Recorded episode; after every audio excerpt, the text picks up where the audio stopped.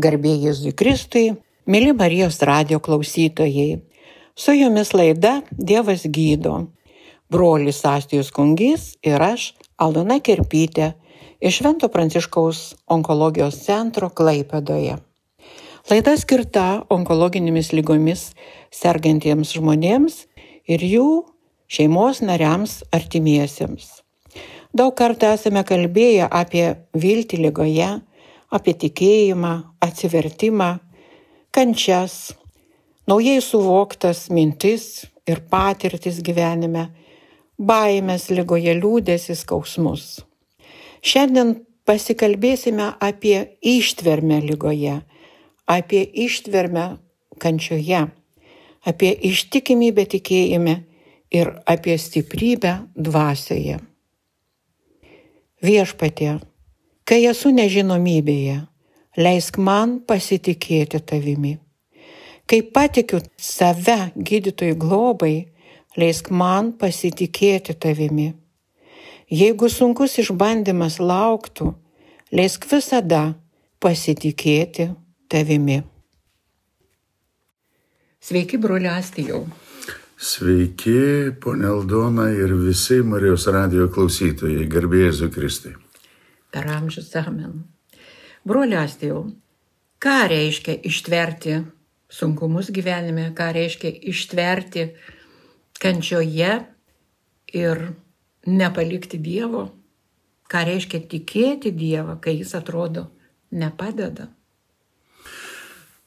Jo, čia atsakyti tą klausimą gali tas, kuris susidūrė su gyvenimo išbandymu su rimtais gyvenimo iššūkiais. Ir kiekvienoje srityje yra. Pavyzdžiui, matai, žmogus dirba, dirba, paėmė paskolas, kažką perka, praranda darbą, tai investuoti pinigai, dinksta, dinksta tas būtas jau.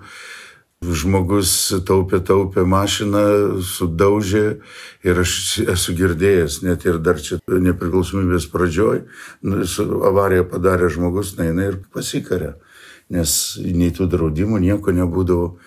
Tai vad ištverti. Iš tikrųjų, pirmiausiai reikia neprarasti blaivaus proto. Nes kada skausmas ateina, sako žmogus, iš akių žvaigždės eina arba akis aptemsta. Iš tiesų tai labai sudėtingas atsakymas, bet vis tiek nenoriu, kad tai būtų teorija. Galbūt aš ir pats gyvenime esu turėjęs tam tikrų situacijų, kuriuose išbuvau, iškentėjau, lygiai ta pati sovietinė kariuomenė. Irgi, bet vat, kažkaip tai ištverti, net ir lygoj, kai mes esame va čia Švento Pranciškaus onkologijos centre, mes matom, kad ateina žmonės ir nedrasiai atveria savo pasimetimą. Nu tikrai pasimetimą ką daryti, kaip čia bus, atrodo viskas griūva, visi planai, netikėjau, kodėl man. Ir tie klausimai, kodėl man. Ir žmogui reikia leisti užduoti tos klausimus, žmogus turi įsisakyti, bet negali palikti toje baimėje, toje neviltyje.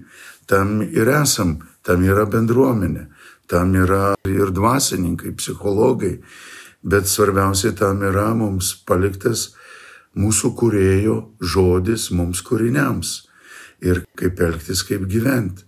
Tai vad, net ir tas pats žodis ištverti, man kažkada čia kažkokiai tai pokalbių laidoj naujai nušvito, nes kai sako, kai Dievas kūrė, arba mes lietuviškai sakytumėm, tvėrė pasaulį. Yra miestelis tverai, jo tvėrė pasaulį. Ir vad ištverti, ką reiškia, kai tu išgyveni bet kokį iššūkį, aš norėčiau pasakyti, vad pavyzdžiui, lygą, vėžio lygą ir kai tu matai, kad ten šansų galbūt netiek daug yra ir kaip tu turi ištverti tą būseną. Tai vad ištverti, tai reiškia tverti savyje naują žmogų. Ir kai tu priėmė tą lygą, aš nenoriu sakyti, kad kažkaip susitaikai, bet priėmė lygą ir bandai toje lygoje atrasti tą viltį ir galbūt ne tik tą viltį, bet savo širdies gelmėje tą tverėją, kuris Dievas ir toliau tveria mane. Ir vat per tą lygą, per tą skausmą atsiranda visai naujas žmogus. Ir aš matau liudijimų, sergančių. Ir pavyzdžiui, ligoniai, kurie atlieka išpažinti, kažkas nušvinta juose naujo. Kažkaip tai tas tverėjas pasako, kad tu esi žmogus, tu esi mylintis ir aš tavęs neapleidau ir aš esu su tavimi per visas dienas. Ir žmogus pamato, kad jis pats per tą sunkumą, per išbandymą, ištverdamas, tai reiškia, ištveria kartu save naują. Ir paskui po to išbandymų, tikrai, va, Marijos radijo klausytojai, prisiminkite, jeigu jūs iškentėjot kažką, jūs kiti žmonės sako, aš kažkaip tai paaugau, aš kažkaip tai supratau daugiau. Tai yra, kad Dievas tverėjas kartu su tavimi, su tavo to ištverimu, sutvėrė tave naują. O tas naujas žmogus. Ir aš netgi prisimenu 24 sekmadienio Siracido knygos skaitinio vieną eilutę, 28 skyrius, trečia eilutė. Argi galėtų žmogus puoselėti pyktį ant artimo ir laukti iš viešpaties išgyjimo? Bet tai irgi tokie įdomus dalykai. Jeigu aš ant kažko pykstu, kažką kaltinu ir, vad sako, ir jeigu puoselėjau pyktį ant artimo, argi aš galiu laukti iš viešpaties išgyjimo, išgydymo. Tad matot, kaip yra viskas susiję, kad į tavo širdį turi ateiti kiek įmanoma galimai ramybės. Todėl ir mes sakome, priimi tą situaciją, priimi, sustoji, taip įvyko. Nu viskas. Jau pasakėjai, gal galėjau kitaip elgtis, gal galėjau kažkaip kažką kitką padaryti, gal galėjai, pasakėjai, pabaig. Jau situacija yra tokia. Priimi tą dalyką. Ir vad, kada tu susitaikai akimirkoje su tuo dalyku, ateina tam tikra galima ramybė ir tam tikra šviesa. Ir tada prasideda gydimas. Ir tas gydimas prasideda, ypatingai mes matom kunigai išpažinties metu, kada tu pradedi atleisti kitiems, kada tu pats atsiprašai Dievo akivaizdoje už padarytus tam tikrus darbus. Ir tada vyksta gydimas. Tarkim, gydimas pirmiausiai tavo sielos ir tau ateina daugiau to tvirtumo. Ir tu tokio pagrindo atsistot ir pradėti su lyga, su ta kažkokia įvykusią nelaimę, po truputį pradėti judėti į priekį ir ieškoti sprendimo. Ir todėl ir sako Jėzus, aš esu kelias, tiesa ir gyvenimas. Taip pat šventėm 15 dieną Marija Mater Doloroza. Marija skausmo motina.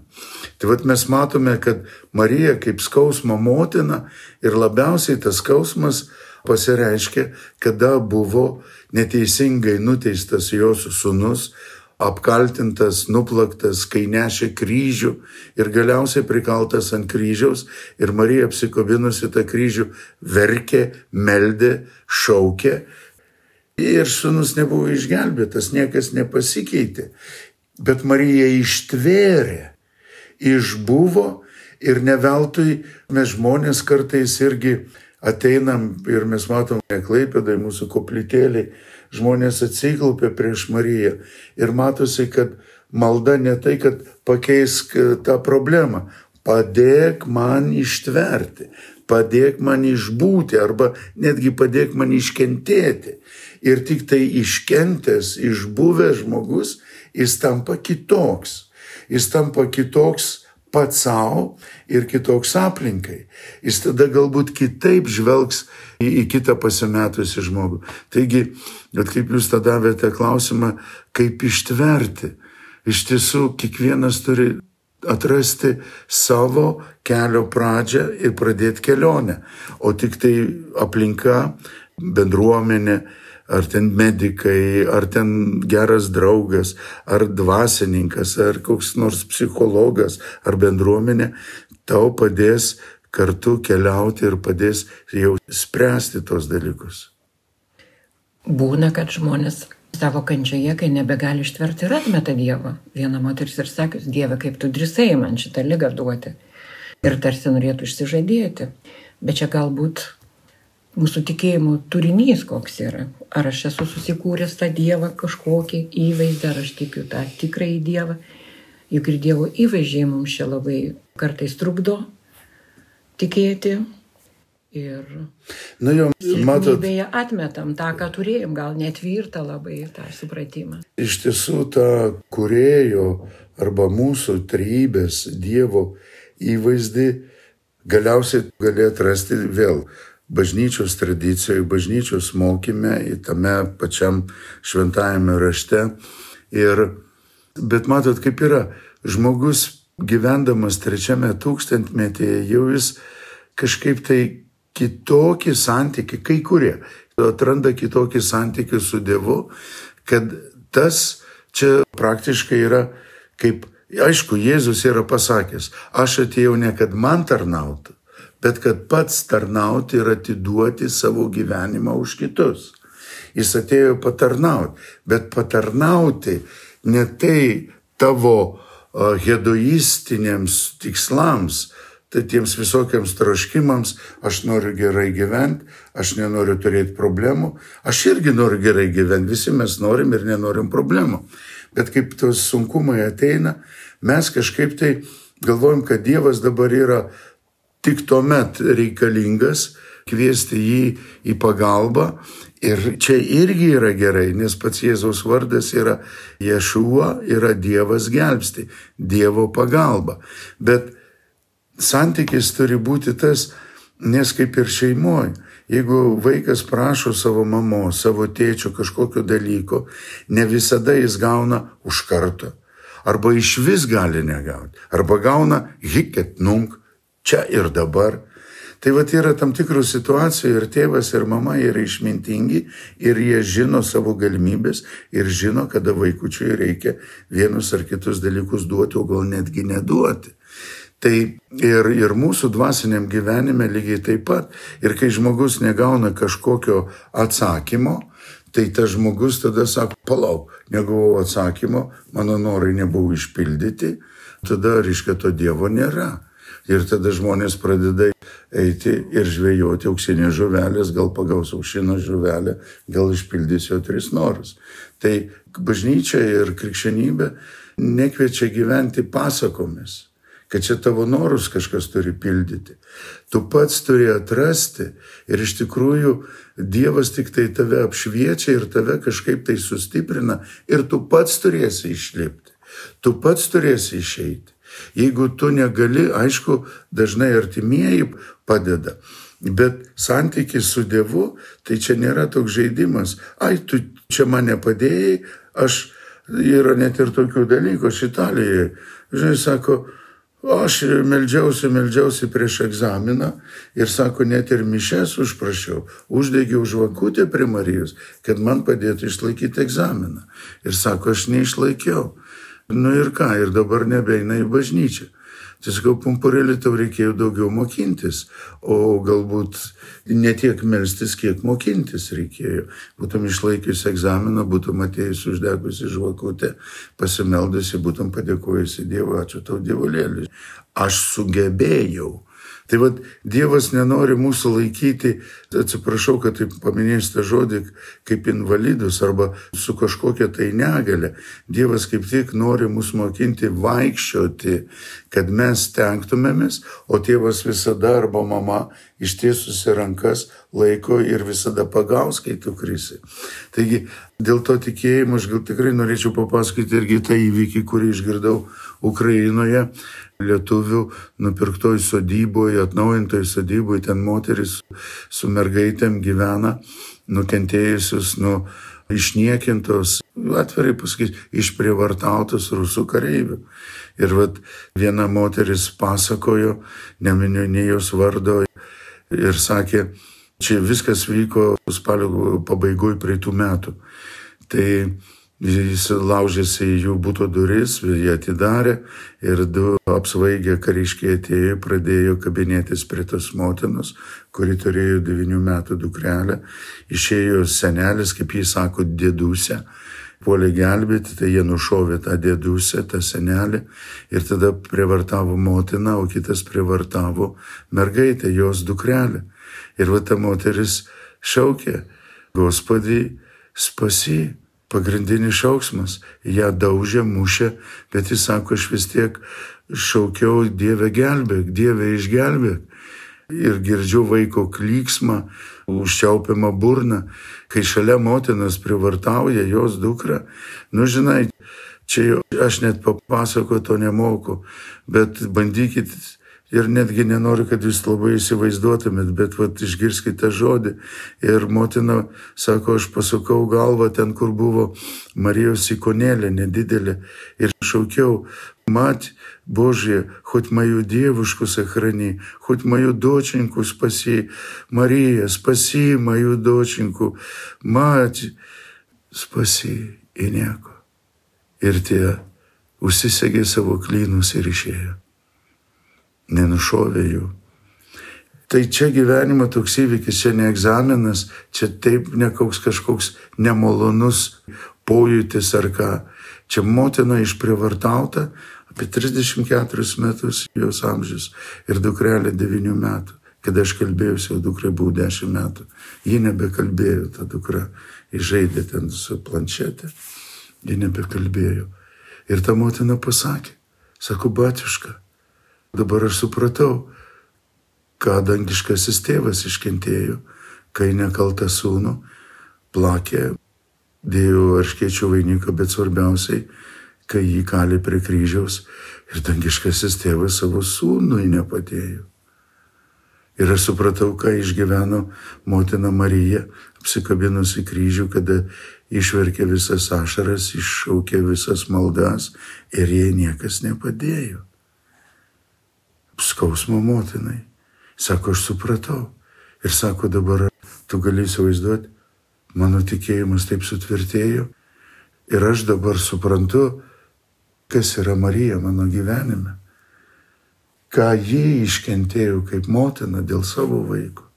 Tai vad mes matome, kažkoks žmogus atsitiko kažkokis dalykas, aišku, jam gyvenime svarbus, sako, Dievas manęs neišklausė, einu pas burtininkus, eina kur, revederčiai katalikų bažnyčia, mane vadovė, aš einu lauk. O čia, tokioje situacijoje motina su savo dukra ir jis sako, aš supratau, aš dar labiau tikiu. Žiauriai. Aš čia belieka, na aišku, aš ne, nepabučiau nei rankos, nei nieko, tik tai apkabinau, priglaudžiau ir viskas, neturėjau ką pasakyti, nei užuojautos, nei pasidžiaugti jos to tikėjimu. Pasitraukiau nutilęs, tik peržegnojau, palaiminau ir viskas. Tai vad matot, kas yra tikėjimas, bet mažylėlį kiekvienam net ir sunkiausiai situacijoje mes šauksime, verksime, galbūt niekas nepadės. Todėl nepraraskite to ryšio. Net ir Jėzus prikaltas ant kryžiaus pasakė labai labai pirmą sakinį žiaurius žodžius. Tėve, tėve, kodėl mane apleidai? Galite įsivaizduoti, kodėl mane apleidai? Ir po to kablelis, bet į tavo rankas atiduodu savo dvasę. Tai va ir mes į dangiškojo tėvo rankas atrodo apleisti, bet atiduokime į tėvo rankas savo gyvenimus. Ir pamatysime, tada viskas pradės tvarkyti. Tada iš naujo Dievas mus kurs, naujus žmonės. Ir mes tikrai, tikrai būsime kaip ženklai, tikėjimo liudytojai, nesumeluoto, nesu neišgyvento, bet iš tikrųjų ištverto tam tikroj kančioj, tą tikėjimą mums ir perdoda bažnyčia per Kristų ir per Kristaus motiną Mariją. Tai galbūt tik tai tiek. Dažnai žmonės ir ligoniai, vėžio ligoniai ir kitų lygų ligoniai tikrai jaučiasi, tarsi būtų prikalti ant kryžiaus, kai nežino, ką daryti ir šaukėsi Dievo, Bet tik vienas Dievas gali mus ir nukelt nuo to kryžiaus. Ir čia motina Teresė yra sakęs, kad iš pat pradžio, kai pradedam tikėjimo kelią, yra svarbu išmokti klausytis Dievo balso savo širdyje, nes tada širdies tyloje kalba Dievas. Nes jeigu mūsų širdis pripildyta visai kitų dalykų, tai negalėsime klausytis Dievo. Ir man labai svarbus mano pačios lygoje, kai susirgau, buvo labai svarbus žodžiai tam, kad ištverčiau, kai bijojau, kai šaukiausi Dievo padėti ištverti tą gydimą, atsivertų šventąjį raštą, man labai padėjo Dievo žodžiai iš šventojo paštalo Pauliaus laiško rumiečiams, broliai ir seserys. Ne vienas iš mūsų negyvena savo, ne vienas savo nemiršta. Ar gyvename, viešpačiai gyvename, ar mirštame, viešpačiai mirštame. Taigi ar gyvename, ar mirštame, esame viešpaties. Juk Kristus numirė ir atgyjo, kad būtų gyvųjų ir mirusiųjų viešpats. Šitie žodžiai labai sustiprino mane ir aš juos kartuoju daugeliu, kurie čia ateina į centrą, kad tikrai liktumėm ištikimi, kad stiprėtumėm dvasioje ir kad niekada neatsiskirtume nuo Dievo, nes gyvybės mes tikrai be Dievo neturėsime. Atsiskirti nuo Dievo, atsiskirti nuo gyvenimo. Iš tiesų, auksiniai žodžiai, ar gyvename, ar mirštame, mes esame viešpaties. Ir aš ką tik grįžau iš laidotuvių ir ten yra pasakyta, aš esu prisikėlimas ir gyvenimas, kas tiki mane, nors ir numirtų, bus gyvas. Ir kiekvienas, kuris gyvena ir tiki mane, neragaus mirties per amžius. Tai tikėjimas mums padovanoja gyvybę, gyvenimą. Net ir skausmo gyvenime mes esame, mes gyvename. Iš tikrųjų mes nemirštame. Dėka Kristaus mes atrandame jau dabar amžinai gyvenimą. Ir tikrai Dievo motina, Mater Doloroza, skausmo supulingoji motina, te padeda mums išlikti. Galbūt išverkus, išaimanavus, apkabinus kryžių, bet vėl atsistoti ir vėl toliau, kaip ir ji, dalyvavo sėkminių šventėje, gavo šventąją dvasę ir toliau gyveno ir visai jos kita rolė buvo bažnyčioje, kaip motina jau, jau motina bažnyčios apaštalų. Dėkuoju broliastijau, dėkuoju Jums, mėly Marijos radijo klausytojai. Su Jumis buvo laida Dievas gydo, brolis Astijus Kungys ir aš Aldona Kerpytė iš Klaipados Švento Pranciškaus onkologijos centro. Su Dievu. Su Dievu.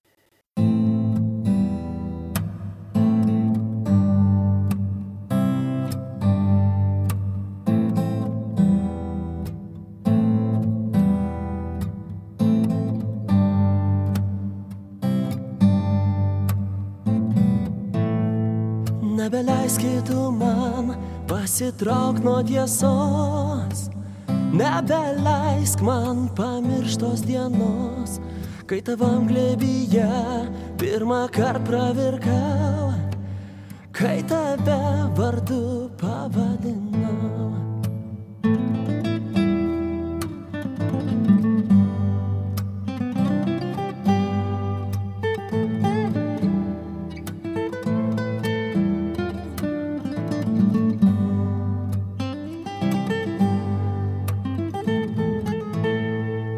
Nebenoriu kalbėt apie nieką daugiau. Nuo to laiko, kai tave pažinau, kai prieš tave ant kelių maldoje suklupa, kai nedrasiai kryžiaus medį liečiau.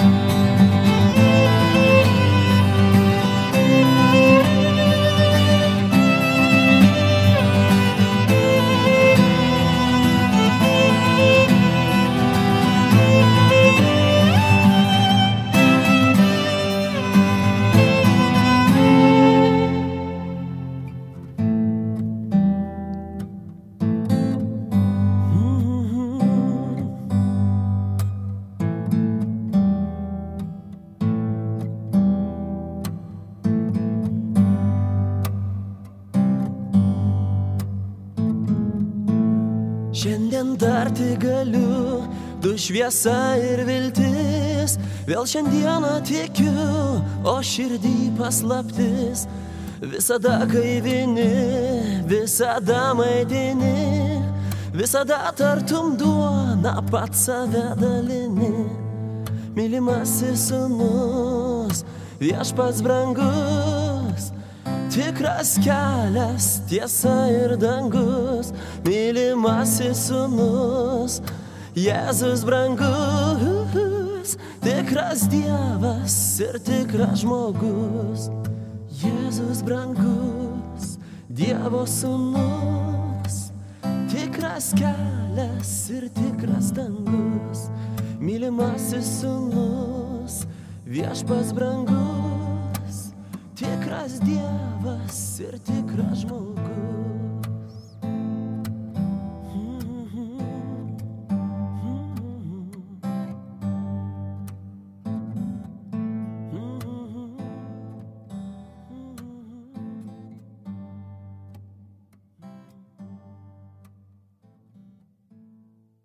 Kviečiame pasiklausyti ištraukos iš tėvo Marcelino Redino knygos Išgydyk mane viešpatie, Jėzus gydo šiandien. Skaito Vaidas Šūkys. Kaip melstis prašant išgydyti nuo prisiminimų. Vienumoje su Jėzumi. Įsivaizduok Jėzų esantį šalia tavęs, o dar geriau savo viduje. Tavo tikėjimas tau užtikrina, kad jis yra čia, kupinas noro išgydyti tavo žaizdas ir duoti tau gyvenimo apščiai. Kai įprasi, tikėdamas ir neskubėdamas savo viduje susitikti Jėzų, tuomet vieną dieną jis pats tave kvies, arba jei tu jį pakviesi, peržvelgti vidinį savo pasaulį, kartu su juo vėl išgyvenant tavo jo gyvenimo istorijos ištraukas. Tai malonė, kuri tau duos gerą išgyjimo ir išlaisvinimo dozę. Malda esanti šios knygos pirmame priede tau padės šioje kelionėje. Jausmai ir žinios sukaupti ankstyvojoje vaikystėje yra saugomi pasąmonėje. Tam tikromis gyvenimo situacijomis jie gali vėl iškilti, kartais netgi prieš tavo norą. Stengdamasis išsigydyti nuo prisiminimų, tu pats sąmoningai savo valia juos iškelsi, pavesdamas juos viešpačiui, kuris viską gydo. Stengdamasis išsigydyti nuo prisiminimų, tu pats sąmoningai savo valia juos iškelsi, pavesdamas juos viešpačiui, kuris viską gydo. Nuolankiai ir pasitikėdamas pavesk Jėzui visas skausmingas savo patirtis ir prisiminimus, savo baimės, sielvartą, pyktį, kaltinimus ir kitus emocinius konfliktus. Taip pat jam pavesk visas tuščias savo gyvenimo vietas. Prašyk Jėzaus, kad jis skirtų ypatingą dėmesį pirmiesiems tavo gyvenimo etapams, kurie tau yra tolimi ir paslėpti, o jam jie yra dabartyje ir pasiekiami. Tas, kuris tave sukūrė ir savo begalinę meilę tave atpirko, trokšta užbaigti tavyje savo meilės ir išminties darbą. Melsdamasis šaukis šventosios dvasios, kuri tau padės matyti savo būseną prieš gimstant. Dar būdamas motinos iščiose, tu priimdavai visą aplinką per savo mamą. Galėjai priimti meilę, ramybę, saugumą, džiaugsmą, romumą. Galėjai jausti naudingą maldos poveikį Galėjai taip pat priimti atstumimo, baimės, nesaugumo, nervingumo jausmus. Galėjai jausti ir rimtus konfliktus, kurie vyko tavo šeimoje arba visuomenėje. Norėdamas atkurti savo asmeninį gyvenimą, turėtum savęs paklausti, kiek metų buvo mano tėvams tuo metu, kai buvau pradėtas, ar jie buvo fiziškai, finansiškai, emociškai ir dvasiškai pasiruošę turėti vaiką kiek vaikų jie jau turėjo anuo metu ir kokio amžiaus buvo pats mažiausias. Kada jie sužinojo, jog aš esu, ar jie apsidžiaugė, ar išsigando, norėjo mergaitės ar berniuko, ar buvo darytas abortas prieš pradedant mane. Nuoširdus pokalbis su savo mama, jei tai įmanoma, padės tau išsiaiškinti daugelį klausimų. Šiaip ar taip viešpats tau padės pamatyti tai, ką jis nori šiuo metu tavyje išgydyti. Taip pat jis tau parodys, kad tavo pradėjimas nebuvo atsitiktinis, kad jis buvo dieviškojo plano dalis. Dar prieš sukurdamas pasaulį Dievas išsirinko tave, kad būtum jo sūnus ar dukra, kad būtum jo garbės šlovintojas ir dalyvautum jo laimėje pilnai ir amžinai. Pirmaisiais vaiko gyvenimo metais motina jam yra nepakeičiama, taip pat ir tėvo palaikymas. Jei dėl kokios nors priežasties savo vaikystėje nepatyrei tikros savo tėvų meilės ir tikro švelnumo, kurio tau reikėjo, tu augai su labai didelė tuštuma savo viduje. Čia gali glūdėti tavo abejonių, liūdėsio, vienatvės, nesaugumo, begalinio švelnumo poreikio šaltinis. Mūsų Dievas yra tėvas su motinos iščiomis ir jausmais. Jo troškimas yra palengvinti tavo skausmą, jo džiaugsmas yra tavoji laimė. Nes viešpats taip sako, užliesiu jūs gerovę kaip upe. Kaip motina guodžia savo sūnų, taip aš paguosiu jūs. Savo tarnams viešpats apreikš savo ranką. Mergelė Marija yra pati gražiausia šios Dievo meilės išraiška ir pati tinkamiausia Dievo meilės pasiuntinė. Jei kreipsiesi į ją, visuomet ją rasi pasiryžusią tave apgaupti Dievo meilę, kuri viską gydo. Viską, ką aukosi viešpačiui, jis priims ir perkeis į malonę. Be to, žinome, kad viskas išeina į gerą mylintiems Dievą. Sakyk Jėzui, kad jį myli ir kad nori jį dar labiau mylėti, kad nori jam tarnauti per neturtingus savo brolius. Dalyvaudami rekolekcijose, du žmonės susapnavo labai panašų sapną jo pradžioje, tačiau su skirtingomis pabaigomis. Vienas sapnavo, kad prieina prie Jėzaus su didžiulė skryne, kurioje sudėtos visos jo gyvenimo problemos. Jis padėjo skrynę prie jo kojų, kad galėtų melstis. Baigęs maldą, pasiemė savo skrynę ir nuėjo. Viena mergaitė sapnavo panašiai priejo prie Jėzaus su skryne pilna jos problemų ir padėjo ją prie Jėzaus kojų, kad galėtų melstis. Tačiau melzdamasi pamatė, kaip Jėzus paėmė jos skrynę ir įmetė į jūrą. Ji daugiau jos nebematė.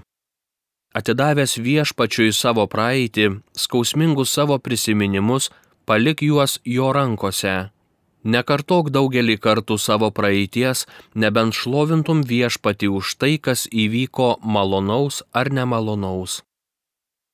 Jėzus viską perkeičia į malonę. Jėzaus vardu užkirsk kelią savo baimiai, nerimui, apmaudui, kad jie nebesugrįžtų į tavo širdį. Kristus mus išvadavo, kad būtume laisvi Tad stovėkite tvirtai ir nesiduokite vėl įkinkomi į vergystės jungą. Jėzus išlaisvina tave iš tavo vergystės nelaimingai praeičiai ir atveria prieš tave naujus horizontus, pilnus šviesos ir vilties. Gyvenk žvelgdamas į ateitį. Tik vieną tikrą Pamiršęs, kas už manęs, aš veržiuosi pirmin į tikslą, siekiu laimikio aukštybėse, prie kurio Dievas kviečia Kristuje Jėzuje. Taigi visi, kurie esame tobuli, turėkime tai galvoje, kad ir kiek nuėję, ženkime toliau tą pačią linkmę. Netgi prieš patirdamas poveikį, su tikėjimu priimk Jėzaus buvimą ir jo gydančią galę tavo gyvenime dėkok jam iš viso širdies, gėdok jam ir šlovink šventąjį jo vardą. Šlovinimas patvirtina ir pagreitina gyjimo procesą. Pratimas. Padaryk sąrašą visų palaiminimų, kuriuos esi gavęs iš Dievo per savo motiną, taip pat ir visų teigiamų savybių, kurias esi iš jos paveldėjęs. Daryk tą patį ir savo tėvo atžvilgiu. Tada padėkok Dievui ir palaimink savo tėvus viešpaties vardu. Padaryk sąrašą visų žaizdų, kurias turi nuo savo tėvų ir kitų šeimos narių, taip pat ir neigiamų savybių, kurias esi iš jų paveldėjęs. Turėdamas šį sąrašą priešais save, su Jėzumi savo širdyje, nesąlygiškai atleisk savo tėvams ir kitiems šeimos nariams už kiekvieną negatyvę patirtį, kurią išgyvenai su jais ir už kiekvieną neigiamą žymę, kurią jie paliko tavyje. Paskui savo širdies šventykloje viešpaties akivaizdoje atsiprašyk kiekvieno iš jų dėl savo sąmoningų ar nesąmoningų pykčio, apmaudo, maištingumo, keršto, neapykantos, pasipiktinimo, atstumimo jausmų. Priimk jų atleidimą ir padėkok. Galiausiai pavesk viešpaties valdžiai kiekvieną neigiamą žymę, kurią galėjai paveldėti. Prašyk, kad Jėzus įrašytų tavyje savo asmeninės savybės, nes jis nori, kad tu būtum jo būtis visiems, kurie tave mato. Te būna visa jo garbiai. Su palidėtoju. Kai tau reikia prisiminimų išgydymo, gali dalytis ir melstis su palidėtoju, kaip Emauso mokiniai Du nuliūdę, nusikamavę, sutrikę Jėzaus mokiniai, be vilties ėjo iš Jeruzalės ir iš bendruomenės.